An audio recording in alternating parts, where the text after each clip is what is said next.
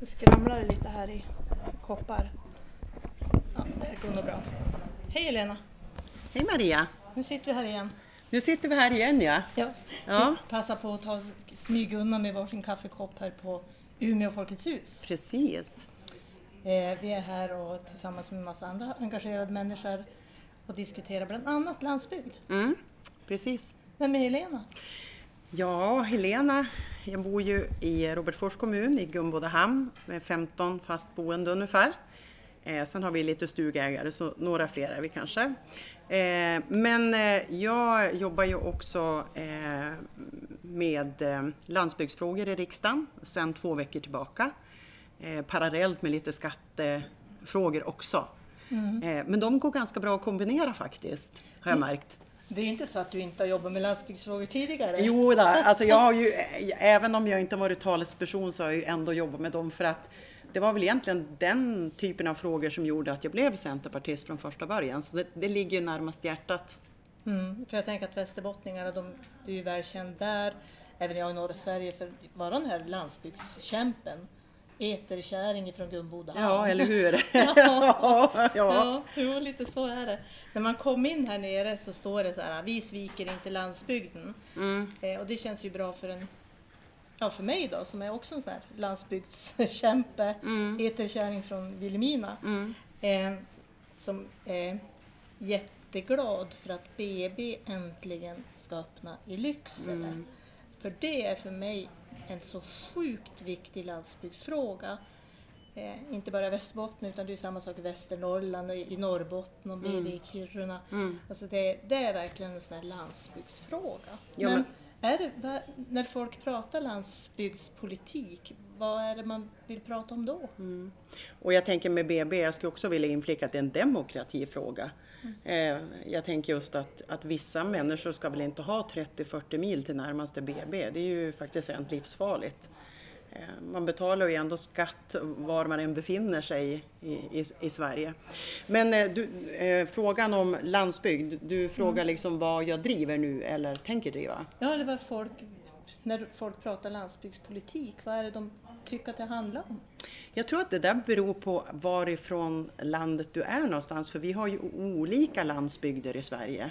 Eh, Det som är landsbygd kanske för dig och mig här, det är ju gleshet och långa avstånd och utmaningar med det. Också mycket små eh, kommuner med, med liten befolkning. Men det finns ju också eh, landsbygder runt städer eller det finns landsbygd på, ja, men i skärgårdar som har sina utmaningar.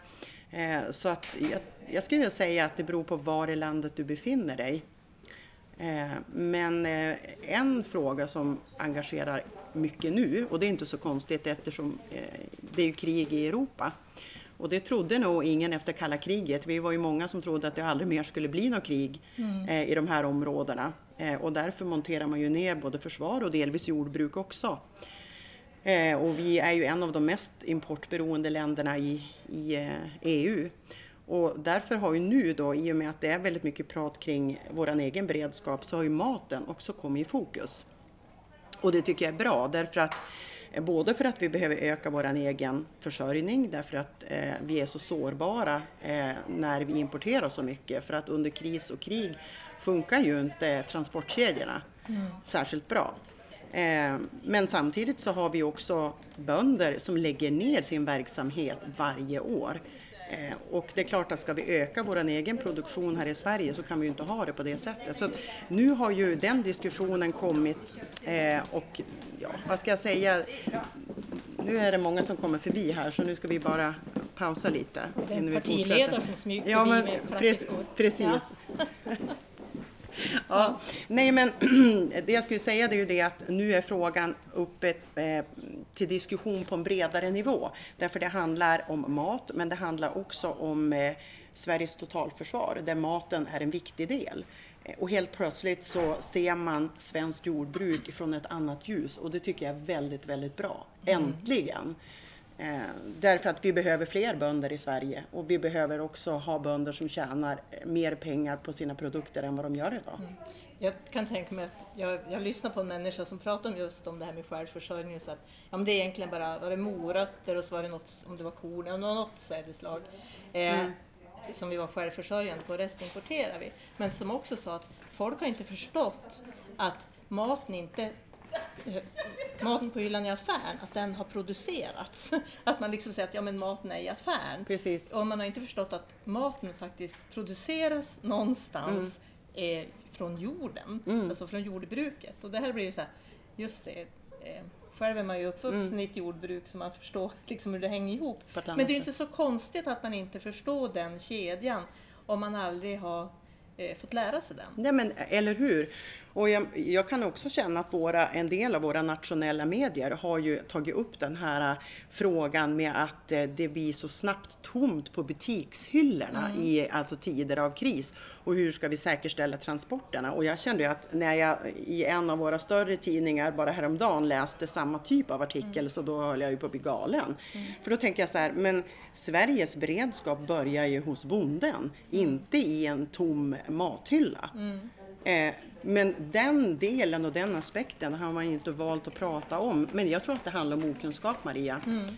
Förut var det ju fler människor som hade anknytning till jordbruk och, och hade en mer naturlig relation till, till den. Mm. Eh, men jag, jag ser ju att ett fönster har ju också öppnats nu för att helt enkelt stärka alltså, eh, svensk livsmedelsförsörjning och eh, ja, men, svenska matprodukter och därmed också möjligheten att vi ska få se fler bönder och att bönderna ska få bättre betalt. Mm. Och det mm. tycker jag är ju bara på tiden.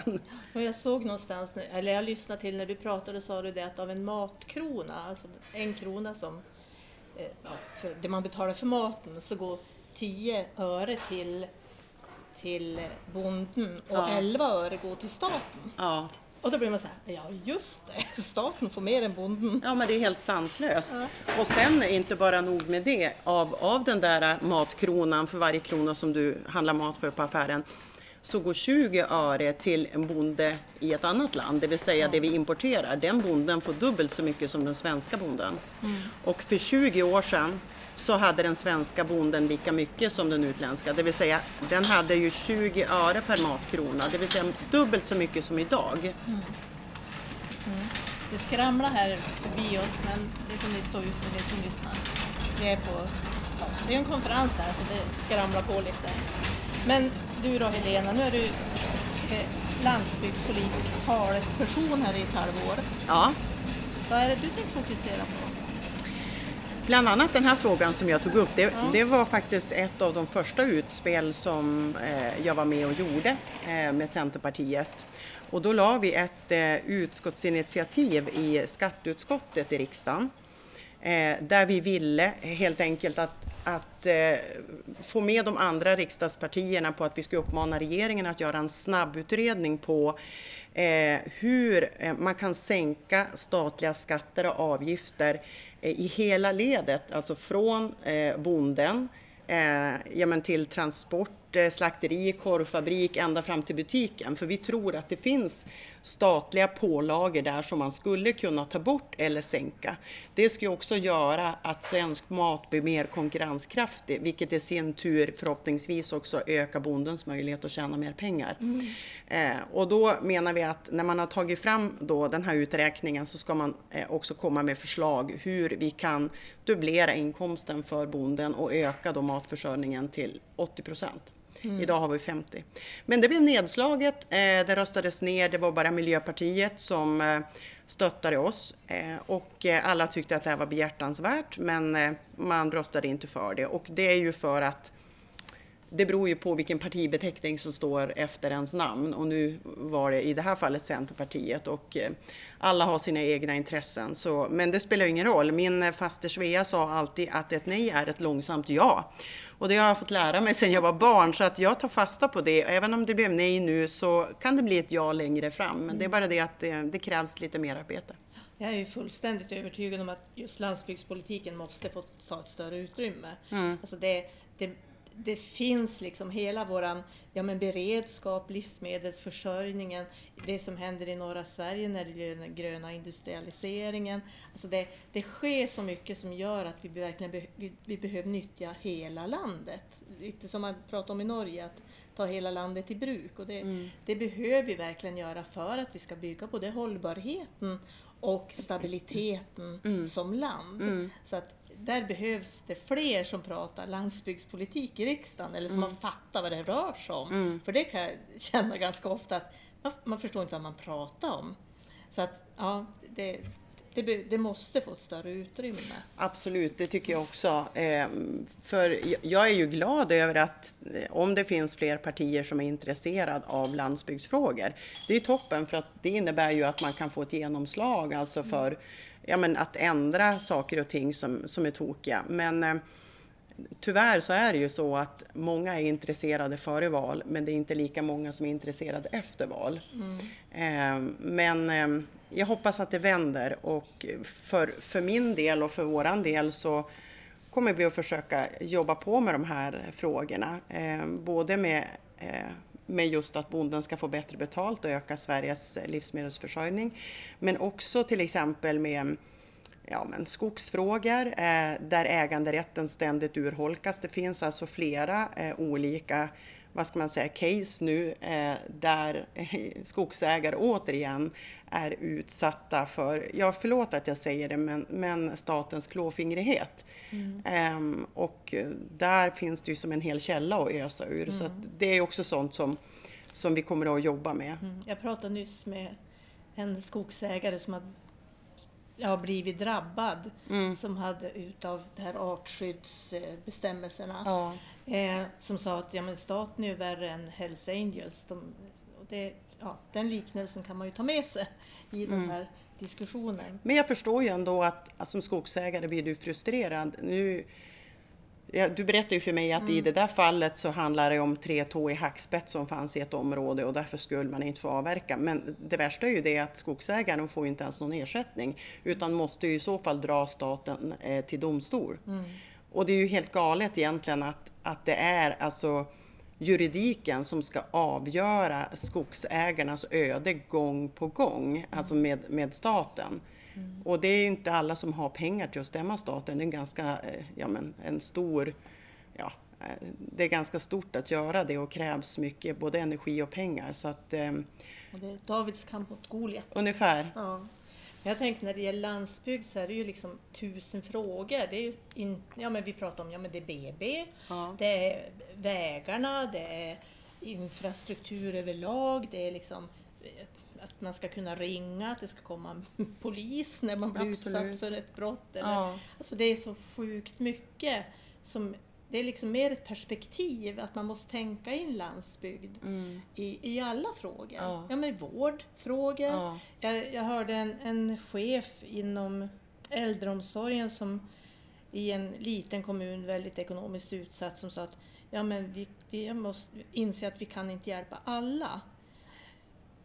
Och då blir man så här, lite förskräckt. Mm. Och då tänker man så här, ja, men det handlar ju så mycket om hur fördelar vi de kommunal, det kommunala utjämningssystemet. Mm. Det måste liksom förändras på ett annat sätt och hitta andra skattebaser. Det här rör mm. en kommun där man har byggt jättemycket vindkraft. Mm. Eh, som gör att, ja men hur, som också nu sitter och verkligen inte har råd med någonting. Nej. Så det, det, är så mycket som behöver förändras. Så att det är verkligen en, en eh, gedigen bit att börja på tugga i sig. Absolut, och det är klart att nu nu här eh, på eventet som vi är nu på Folkets hus har vi varit på några landsbygdsseminarier och det är klart att önskemålen är ju jättemånga. Mm. Det är som du säger, bland annat det du räknade upp, men det kan ju också vara strandskydd eller eller att banken inte vill låna ut pengar om man ska bygga sitt drömhus vid kanske sjön eh, mm. någonstans i inlandet eller vad det nu än kan vara. Eh, så det är många, många utmaningar.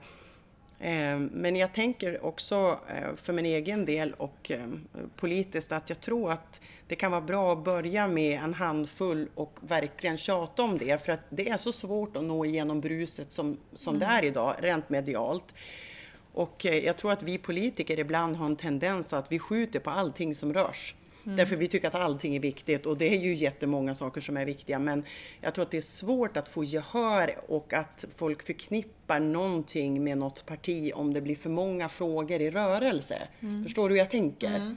Att man börjar med att bygga någon slags plattform och sen bygger ut den eftersom. Jag vet inte om det är klokt.